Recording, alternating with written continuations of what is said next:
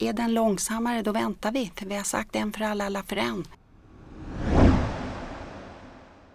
Du lyssnar på Socialtjänstpodden med mig Susanna Alakoski. Idag pratar jag med musketörerna om begreppet utanförskap. Hur kan vi hjälpa varandra att hamna i innanförskap? Vem är jag till för som socialarbetare? Står jag på den svaga sida? Står jag på maktens sida?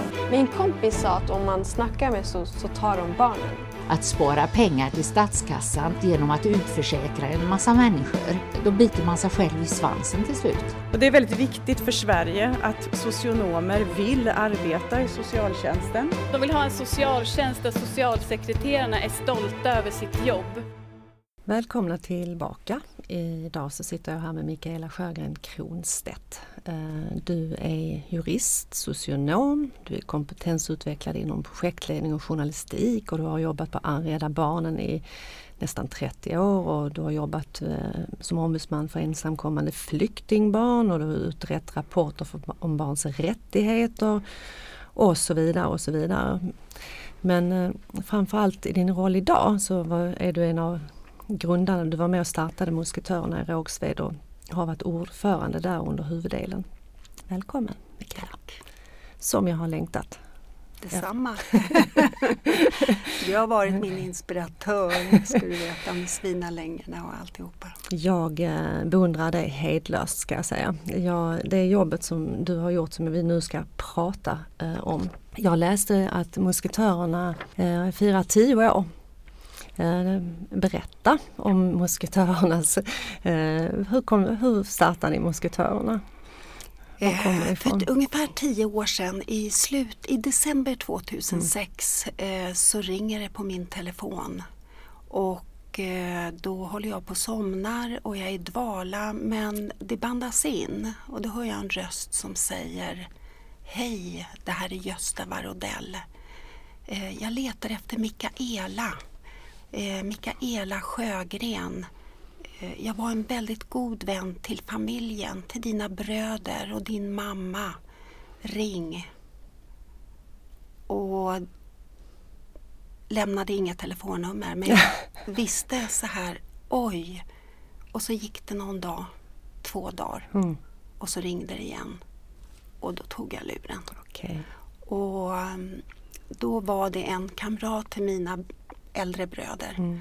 eh, som växte upp i Rågsved mm. eh, slutet på 50-60-talet, 70-talet. Eh, och undrade om vi kunde träffas.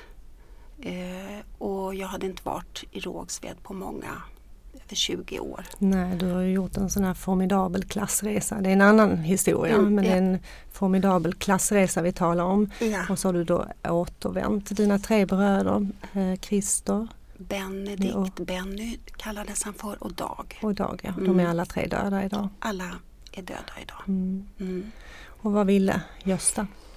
Han ville att vi skulle träffas eh, eh, och jag tog tunnelbanan till Rågsved och vi träffades på Rigi konditori mm. där vi hängde på 70-talet.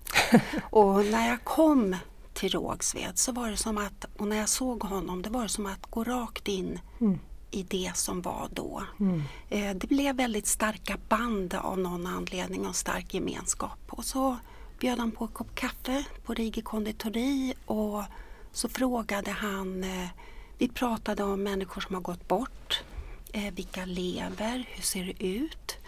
Eh, och så frågade han eh, om jag ville gå med honom på en promenad och så gick vi runt där i Rågsved och mm. sa kom du ihåg när vi lekte där och där är mm. skolan. Och, Sån minneskavalkad. Minneskavalkad och sen så kom vi upp till några hyreshus och så tar han upp en nyckelknippa och så låser han upp en garagedörr och så säger han här bor jag. Jaha. Och det blir väldigt mm. eh, känslosamt att eh, och då han, tänker jag, några stycken hamnade här, kom aldrig ut härifrån. Han, bo, han bodde alltså han bodde, i garaget. garaget där, ja, precis. Och jag blev inbjuden på kopp te. I garaget? I garaget ja. och så satt vi och pratade och så mm. började en resa därifrån. Mm. Och om man tänker sig då, eh, vad gör eh, eh musketörerna? Eh, Eh, det vi gör det är att vi följer med människor Mm. som hamnat utanför eller socialt, ekonomiskt eller på annat sätt eh, till myndigheter som har ett ansvar för att de här människorna ska ha sina grundläggande rättigheter. Vi jobbar mot fyra rättighetsmål. Det är hälso och sjukvård, eh, försörjning, arbete, hjälp med skuldsanering om, sån, om det finns behov, men en bostad, tak över huvudet och lotsar till ett eh, samhällsliv, föreningsliv. Det är ganska basala saker som ni sysslar med. Eh, Ja. Man tänker sig sånt som vi människor behöver. Vi behöver ha det bra i vardagen. Men eh, det, det ni har ju tagit fram eh, en utanförskapskarta som är en bild gjord Stockholms tunnelbana räckte inte till sa du. Utan ni har använt Tokyos tunnelbana och det är olika sådana här stationer som handlar om eh, eh, olika eh, ställen som ni musketörer ska hjälpa andra blivande musketörer komma fram till och igenom och så. Kan inte du berätta lite om utanförskapskartan? Jag har den här i studion. Mm. Det är så här att när vi började guida och lotsa till olika myndigheter så är det ju rätt många myndigheter som är inblandade. Det är socialtjänsten, det är hälso och sjukvården, det är eh, Arbetsförmedlingen och det är jobbtorg och det är skattemyndigheter och det är alla möjliga olika myndigheter. Och det är som att systemet man, pr- förr pratade vi om så här eh, stuprörssystem, nu känns det som det är sugrörssystem. Och då är det så att du måste ha med dig ett 20-tal blanketter. Eh, och har du levt som hemlös eller haft en kris och hamnat du orkar inte med att ta fram 20 blanketter för då måste du besöka 20 olika myndigheter. Och eh, vi hjälper till att samla ihop de här blanketterna och följer med, ringer, bokar tid. Och när du kommer och då har man kanske glömt ett kommatecken, då måste man fylla i blanketten igen. Och så Inga gör- lätta blanketter Inga alltid. lätta blanketter och, och eh, mycket, mycket bakgrunds Mm. eh, sån här information. Och så får man åka till alla de här ställena och, var, och även om det, man tänker samarbete så måste du ha samma blanketter fast liksom nya samma blanketter när du kommer till nästa myndighet som ska Mm. samarbeta med den här första myndigheten. Så mycket handlar om insamling av blanketter och åka fram och tillbaka till olika Mm, och förstå och begripa och kunna fylla i rätt och så. När man tittar på den här utanförskapskartan som ni har gjort så eh, har du koll på hur många, det, är, det, det som står här, jag kan säga några saker, det är, hur många ord kan det stå på den här? Det, det måste ju vara några hundra? Hundratals kanske. Eh, det är bouppteckningsärende, det är att avstyra vräkning, det handlar om pass och identitetskort, det handlar om sorgebearbetning, saker man ska söka, beställa. Det är öppenvårdsmottagning och det är ekonomisk rådgivning och det är eh, stöd till inlagor och det är ASI, vad nu det kan vara, det är avregistration och det, det är ansökan och så. Det, eh, jag har noterat att ni använder ett ord som labyrinter. Mm. Är det, hur, berätta om Men hur, det är som att när man går in och ska börja ett ärende så öppnar sig liksom nya dörrar och man ska ha nya saker och nya underlag och eh, slussas dit. Och, eh, vi, bara som ett konkret exempel så har vi eh, guidat en person. Det slutade med man hade gjort en feloperation och det slutade med en benamputation. Och eh, eh, när den personen eh, skrevs ut från Stockholms sjukhem eh, så var vi med vid ett sånt här utslussningsmöte. Och då var det fyra olika myndigheter. Det var biståndsanläggare, det var ar- arbetsterapeuter, det var någon kurator, det var ytterligare någon hemtjänst. Och då skulle man ha kontakt med alla de här fyra pers- personerna som representerar myndigheter. När man tog kontakt med dem så var det liksom olika handläggare inom respektive station. Eh, och då skulle man leta rätt på dem. Och sen så hade, sen händer det ju att folk blir sjuka eller man har barn och då har ärendet lämnats över och så fick vi hålla på med fyra olika myndigheter. Jag tror att det har handlat om en 50-70 samtal, eh, nya blanketter, hembesök till den här personen.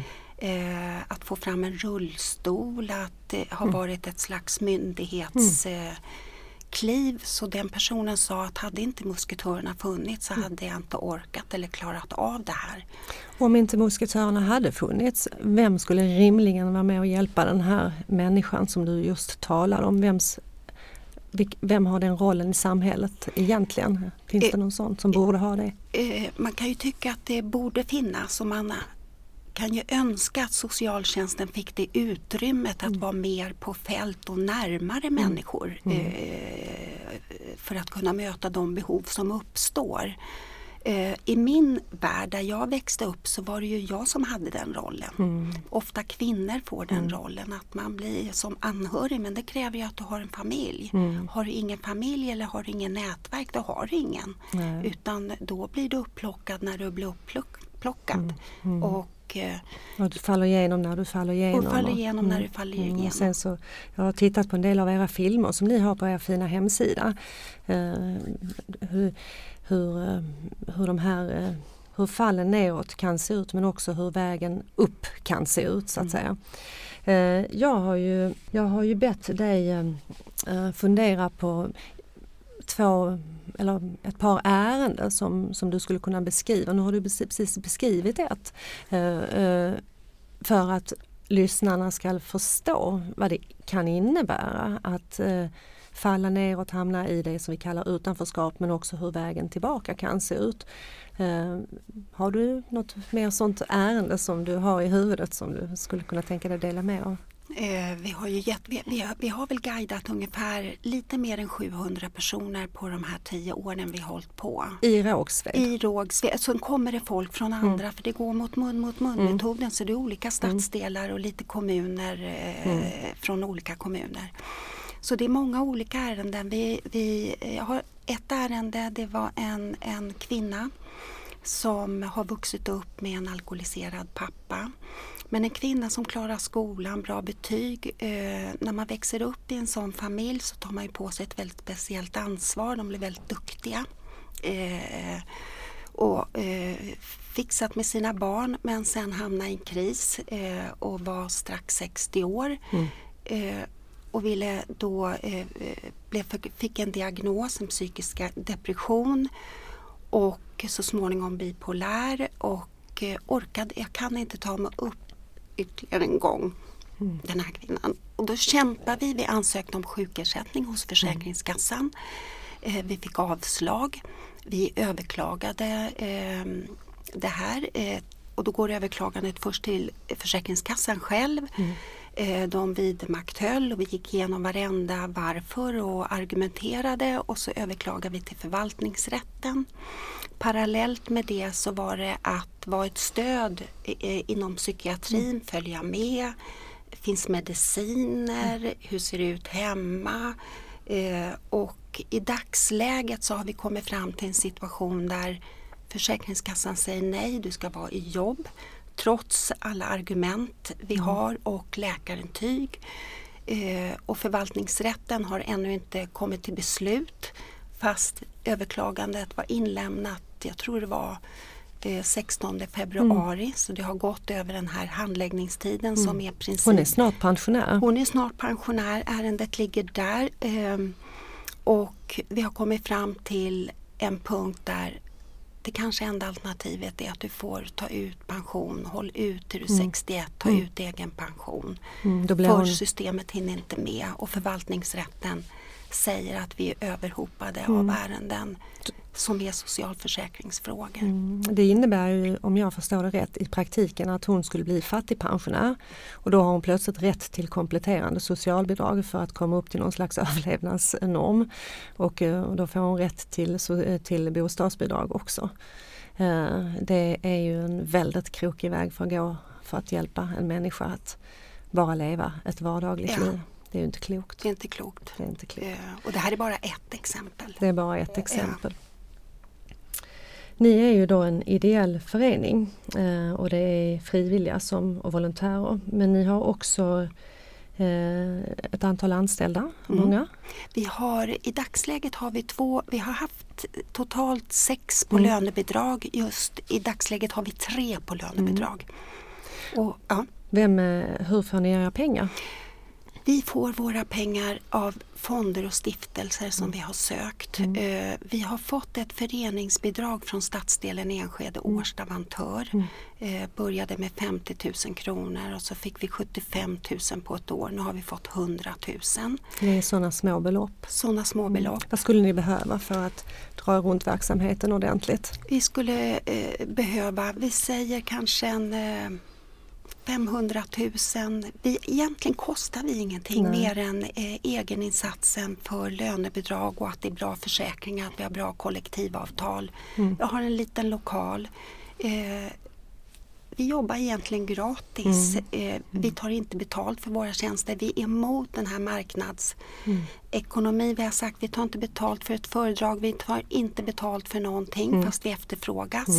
Eh, vi går emot det. Vi har varit i starka eh, diskussioner med stadsdelens dåvarande. De ville att vi skulle bli ett socialt företag. Vi är inget företag, vi är en ideell organisation. Vi tänker inte ta betalt för någonting. Eh, ja. Det är, eh, jag tänkte fråga just om det. Hur är efterfrågan på era föreläsningar? Jag, jag förstår så är alla möjliga ute och pratar i skolor och företag och alla möjliga. Hur mycket av verksamheten är det? Vi håller ett antal föreläsningar på hösten och ett antal på våren och det kommer studiebesök eh, till oss. Eh, och det är väldigt roligt. Eh, och Musketörernas guider och volontärer uppskattar ju det. De blir ju efterfrågade och deras kunskap blir efterfrågade och helt plötsligt så har de faktiskt någonting som är ett jättebidrag. De kan, jag, som jag förstår det så, så eh, går man ut och berättar om sina egna erfarenheter och det är en alldeles speciell kompetens eh, att ha varit hemlös, eh, att, att eh, prata om det och kunna, eller varit eh, tung missbrukare eller ha anhöriga som har dött. Det är ju ingenting man läser till sig på Socialhögskolan precis, eh, de erfarenheterna, utan det är ju en otroligt värdefull position som jag förstår och efterfrågad just av det skälet. Ja, Det är så. så är det. Jag har läst också att ni har eh, skrivit, jag fick en bok här alldeles nyss eh, som Musketörernas barn berättar. Det är ju en utveckling av, av, av verksamheten. Eh, vad berättar barnen?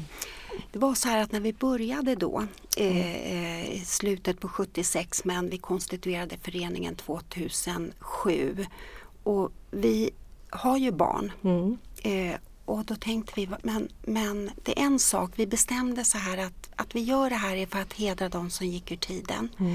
Att hjälpa de som blev kvar. Eh, och sen så ge någonting till våra barn. Att det inte var inte bara mörkt. Det fanns många facetter på era föräldrar. Eh, och då samlade vi dem till ett möte och frågade vad skulle ni vilja? Vad sa de då? Och då sa de, jo vi skulle vilja träffas och sätta oss i en grupp och prata om våra erfarenheter. Och då bestämde vi att då gör vi det och tog in en professionell handledare. Så barnen satt egen, det var ju vuxna barn, unga vuxna barn eh, och hade liksom sin handledare att dela med sig. Och sen eh, anhöriga till de här barnen satt i en vuxengrupp med en professionell handledare. Och själva huvuduppgiften för de vuxna det var att de här barnen uttrycker precis det de känner, det de vill, det de behöver. Och det får ni bara ta emot och så får ni jobba med ert i den här gruppen.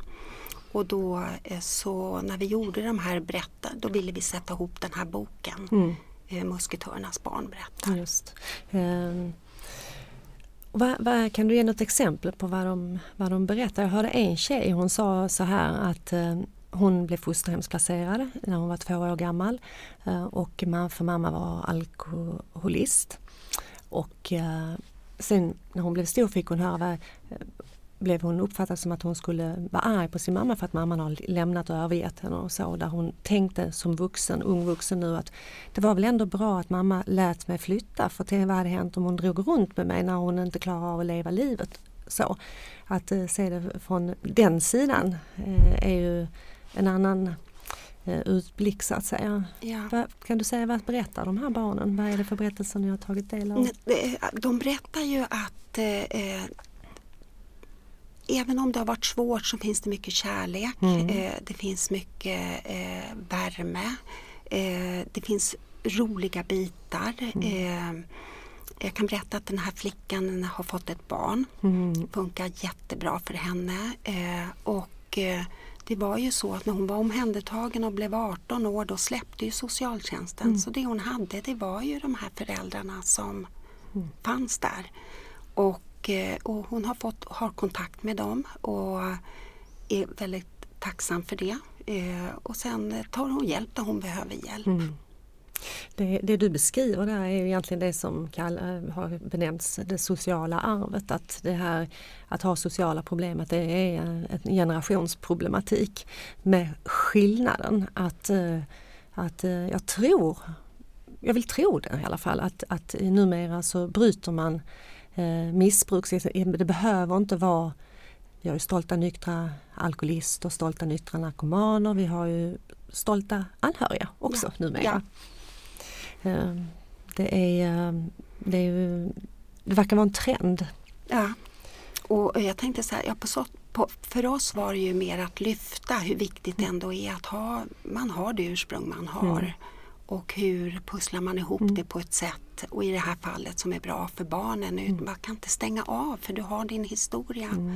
Och den går inte att ta bort Mm. men eh, Ja, är du född som, som utlandssvensk i en diplomatfamilj så är, det, är du präglad av, Ja. av världen. Är Ja. du född i Rågsved så är du eh, präglad av lika mycket av den världen Ja. såklart. Jag kan ju berätta att de här barnen nu på olika sätt är jättestolta. Mm. De hänvisar till musketörerna. eh, de läser på Socialhögskolan. De lyfter de här frågorna på olika sätt. Och bara det är ju värt tio års jobb. Verkligen. Men jag tänker det här att ni arbetar ideellt och så, det betyder ju inte att ni inte tar emot bidrag, ekonomiskt bidrag och så. Va? Så att om det finns sponsorer så, kan, så säger ni inte nej. Nej, tack. det gör vi absolut inte. det gör vi, det, vi behöver ju Ja. det för att gå runt. Men vi har ju som princip att vi har sagt, det här låter lite konstigt, men ingen normal människa får ett jobb på musketörerna utan det är de folket från Rågsved som blir kvar som får jobben och så tränas de och så blir de jättebra guider. Och sen i guidearbetet så kommer nya guider så att det är deras jobb. Det går från hand till hand som en stafettpinne. Ja, så att säga. Då kommer du in på, på det här eh, som jag tänkte fråga som nästa fråga. Det är eh, att ni har tagit fram ett startpaket. Ja. Ni har ju jobbat så länge nu så att ni har, ni har en modell som funkar. Eh, kan du berätta om det här startpaketet? Vad är, vad är där i det? det, det vem vänder det sig till kan man fråga först. Vi, har, vi tänkte ju så här att när, när vi såg att det här funkar med guidningen, hur man tar en människa i handen, man förstår dem och deras språk och vi kan gå över bron till den normala världen och vi kan tala språket i den världen och få ihop det här. Då såg vi att det borde finnas såna här föreningar i varje förort. I Farsta och Vällingby och eh, även på an, i andra orter. Norrland och I Skåne, och Skåne, västkusten ja. och öst och så. Mm. Och eh, då tänkte vi att nej men nu, nu, nu, och så fick vi hjälp av en stiftelse att sätta ihop det här och då är det vår er, hur började vi, hur samlades vi, hur eh, konstituerade vi oss, eh, hur, vår eh, värderingsgrund, hur gör man en omvärldsanalys så man kan eh, på ett enkelt sätt men hur många är hemlösa, hur många lever i fattigdom, hur många i- så och så är det här. Och så gör man en sån och sen så sätter man ihop det här. Och så har vi sagt då att då kan vi vara guider till eh, nya föreningar som skulle vilja göra det här. Och då är det här ett Hur får man tag i det här startpaketet om man vill ha det? Om, om det är någon som sitter och lyssnar på det här då? Då vänder man sig till musketörerna i Rågsved och eh, Det till är er hemsida. ja, vår hemsida så hjälper vi till att Mm. Men man det är får ganska det. Det är en IKEA-kartong eh, faktiskt. Ja, ni, de är samarbetspartner till er. Ja, ja, man tänkte nästan. Man Ja. Så en liten, vi tänkte också vi vill göra allt så enkelt, det behöver inte vara så komplicerat utan ner i en kartong och det, det är fint, det är strukturerat och ordning och man fattar och det är våra historier ner och alltihopa. En sak som jag har tänkt på när jag ser eh, inslag om musketörerna Rågsved är att ni lyfter ju väldigt mycket av skamkåpan av, eh, av den här typen av problematik när det gäller både eh, människorna som har levt i det här utanförskapet eller lever i det men också anhöriga och så. Eh, det är väldigt eh, fint eh, att se det genom att, att våga berätta. Ja. Våga berätta. Det var en, jag bara berätta, det var en flicka som ringde till oss. Eh, hennes bror var svårt nere i en Mm. beroendeproblematik. De, han var ung och hon visste inte var hon kunde få hjälp. Mm. Eh, och då sa vi, du är välkommen hit. Eh, och de kom hela familjen från södra Sverige Mm. och satt med oss och berättade om eh, och hur man kunde gå tillväga. Och då träffade de ju både anhöriga på musketörerna och de som var på, hade varit då i, mer i beroendeproblematik. Och nu avled den här eh, pojken. Men det mötet har de återkopplat vilken betydelse det hade att få bara bli mottagen utan tio blanketter och ha bokat så långt i förväg utan dörren var öppen, kom in, vi sätter oss. Vad sätter ni er helt fysiskt? I en liten lokal i, på Stövagatan 71 i Rågsved sitter vi. Okej. För det är här 71 Ja, 71 Mm. det, är en, det är en fristad, det är en lokal som vi hyr av familjebostäder. Vi har haft jättefin kontakt med dem och Ikano. Eh, det är en, eh, man går in från gatan och det är en musketörsskylt, väldigt anspråkslöst. Och dit kommer människor som eh, bara för att ta en kopp kaffe och väldigt speciella människor men också vanliga människor. Nu kommer pensionärer ner som behöver hjälp för de har inte den här eh, internetkunskapen. De kan inte boka vårdtider så vi får följa med dem och se till att de dockas in i vårdcentraler. Så det är en samlingsplats för människor som är lite de är utanför med olika bakgrund och det är äldre och unga eh, vanliga och mindre vanliga och annorlunda eller vad man säger. Väldigt, Ja, det, är ju, det är ju det här att vad är vanligt och vad är ovanligt. För det är ju, på ett ställe är en sak vanligt och så blir det ovanligt när man går över en bro. ja. Det är ju det där.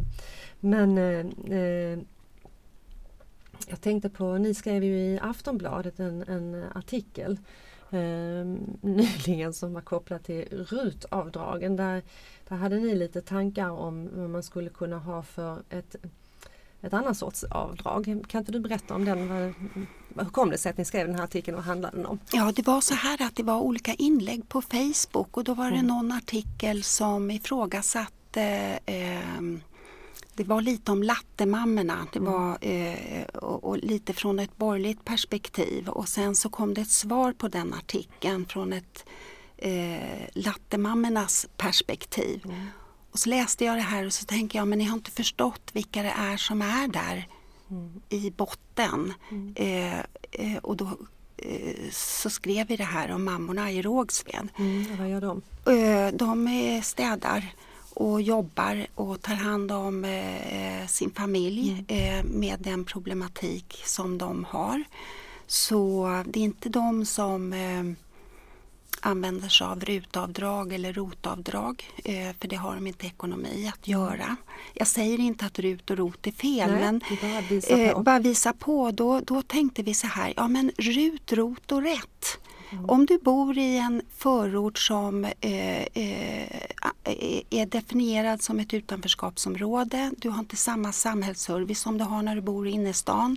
Du får åka några tunnelbanestationer för att kunna ta ut pengar på ett bankomatkort. Eller, det är inte samma service, det är väldigt annorlunda. Ja, då kan väl de här människorna få göra ett rättavdrag då. Och så kan de använda det till att gå på utbildning eller göra någonting som eh, de behöver och som stärker dem. Och då tänkte vi att finansiera kan man göra med att ta bort 25 000 minska eh, ROT med 25 och RUT med 25 och lägga dem på rätt. Och då blir det rättvist tänkte vi. Och det ska gälla glesbygd. Och ja, där inte så tänkte vi i alla fall. Ja, det är verkligen en, en rolig tanke. En rimlig tanke till och med skulle jag säga. Jag har ju bett dig, eh, jag ber ju mina gäster ta välja ut något citat och dikt eh, som, som har betytt eh, mycket. Du har ju valt ett citat här av Robert Kennedy. Vissa människor ser saker som de är och frågar sig varför. Andra ser dem som de kunde vara och frågar varför inte? Varför har du valt det här citatet?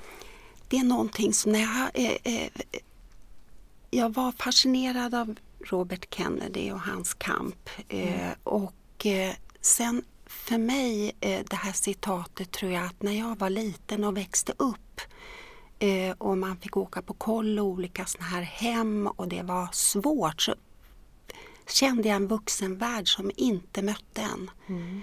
Och någonstans där mm. så, nej, eh, det ska gå oavsett vad ni säger så ska det här gå bara. Grunden för din klassresa kanske? Ja. Och sen har du också valt ett eh, citat som heter Jag drivs av att göra det omöjliga möjligt. Det ligger ju helt ja. hand i hand ja. med det du sa. Ja. Eh, jag ber ju också mina gäster att välja ut en dikt.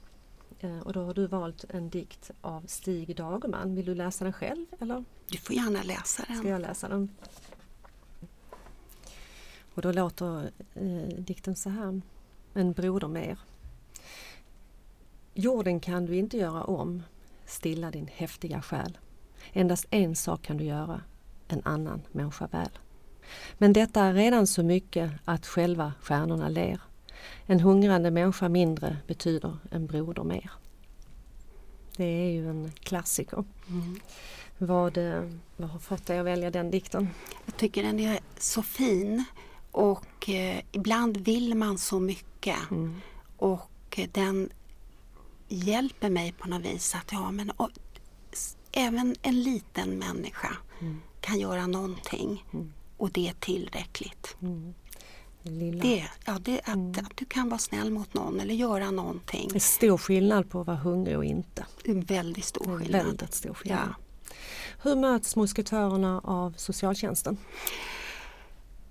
I början så var, eh, var eh, positiva till att vi organiserade oss och vi var den här gruppen då som ville eh, göra det här och sen så eh, har de varit glada att vi är med på möten för att det har gett en... Eh, det är lugn på möten och eh, när vi är tillsammans med våra deltagare. Eh, ibland har det varit eh, varför kommer ni? Eh, vi har sett, det vi har sett är att det ökar rättssäkerheten för vi ser till att, allt, mm. att alla kommer till tals. Eh, vissa har uppskattat det mycket och andra har varit lite avvaktande. Mm. Men i det stora hela i stadsdelen är man positiv mm. eh, till oss. Tryggare för alla kanske? Det blir tryggare för alla, alla mm. vinner på det. Mm. Jo, eh, jag läste en, en, rad på er sida. Eh, ni uppmanar ju alla som lever i utanförskap att organisera sig. Eh, varför är det bra att göra det? Måste organisera oss för att det vi har sett med den här utanförskapskartan, mm. du klarar inte ensam. Mm. Och eh, tillhör du den gruppen som har svårt att göra din röst hörd mm. så kan du, du kan inte göra det själv. Mm. Du måste göra det tillsammans med andra. Mm. Och då tror jag att det går att bryta mycket av det här, det tror jag faktiskt. Men man måste organisera sig helt enkelt och göra det ihop. Mm. Det finns inget annat val. Det är en väldigt fin tanke att människor som egentligen i grunden har haft det och har det svårt eh, går tillsammans och lyfter varandra. Eh, och det får mig att tänka på namnet Musketörerna. Var kommer det ifrån? vi, eh, också så här, vi, vi, på vår skolgård i Rågsved, Snösätra skolan, så fanns det, finns det en staty mm. med de tre musketörerna och där lekte vi när vi var små. Men att vi valde det, det var ju det här, en för alla, alla för en. Mm. Och det, det det, det förpliktigar. Mm. Eh, och det gör ju att är, är den långsammare då väntar vi. För vi har sagt en för alla, alla för en. Mm. Och då får vi stilla vår hungriga själ och vänta mm. lite och eh, Jag får en sån här bild av att ni, ni hanterar utanförskapet genom att släppa in. ja, Det är, väldigt, det är väldigt sällan man, man ser så mycket det här att man, man åker ut och leken hela tiden på vuxenprogram, tv och barnprogram och sånt.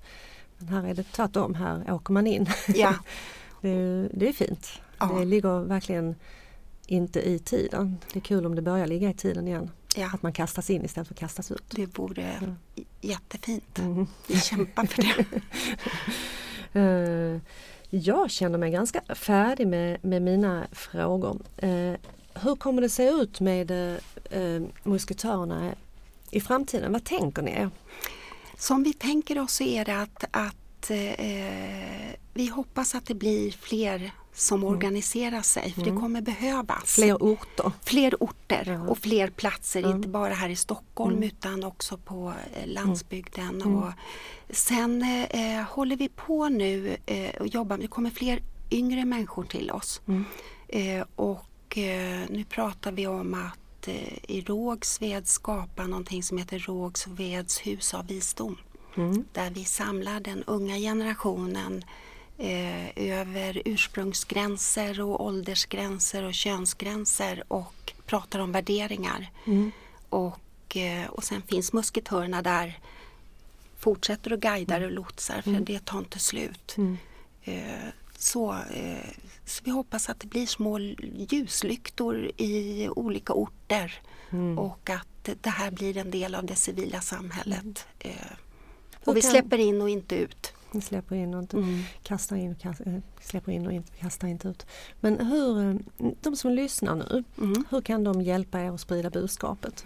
De kan gå in eh, på vår hemsida Mm. eh, musketorerna.se. Vi har också en Facebook-sida som Mm. heter Man slår söker på musketörerna i Rågsved. Mm. Vi har en systerorganisation i Sollentuna som heter Musketörerna i Sollentuna. Mm. Okej. Man kan mejla oss eller ringa oss Mm. och eh, dörren står öppen. Den här utanförskapskartan, den har jag tänkt att den, när jag såg den första gången så tänkte jag att den borde sitta överallt på väggen. Mm. Om man vill ha en sån karta, hur får man tag i den? Då ringer man till oss och Det får man en så. sån karta. Man får en sån Man karta? får en sån karta. Fantastiskt! Mm. Gratis! Gratis så länge lagret räcker. Till och med det är gratis. Då tycker jag vi ska skänka den här till SSR. Ja, det kan vi göra faktiskt. Ja, men detta tackar jag dig Mikaela. Det var Ja. fantastiskt roligt att, att, att prata med dig och få höra om allt jobb som du och de andra musketörerna har gjort och gör. Då tackar vi från Musketörerna för att ni är intresserade och har velat lyssna. Tack för att du har lyssnat. Jag är tillbaka om två veckor. Du kan eh, lyssna på tidigare avsnitt i Socialtjänstpodden. Och är det så, så att du vill delta i sociala medier går det också bra. Du kanske har erfarenhet av ut- utanförskap. Du kanske har det i din familj eller i ditt område där du bor eller så jobbar du med frågorna. Allt är välkommet. Tack och hej!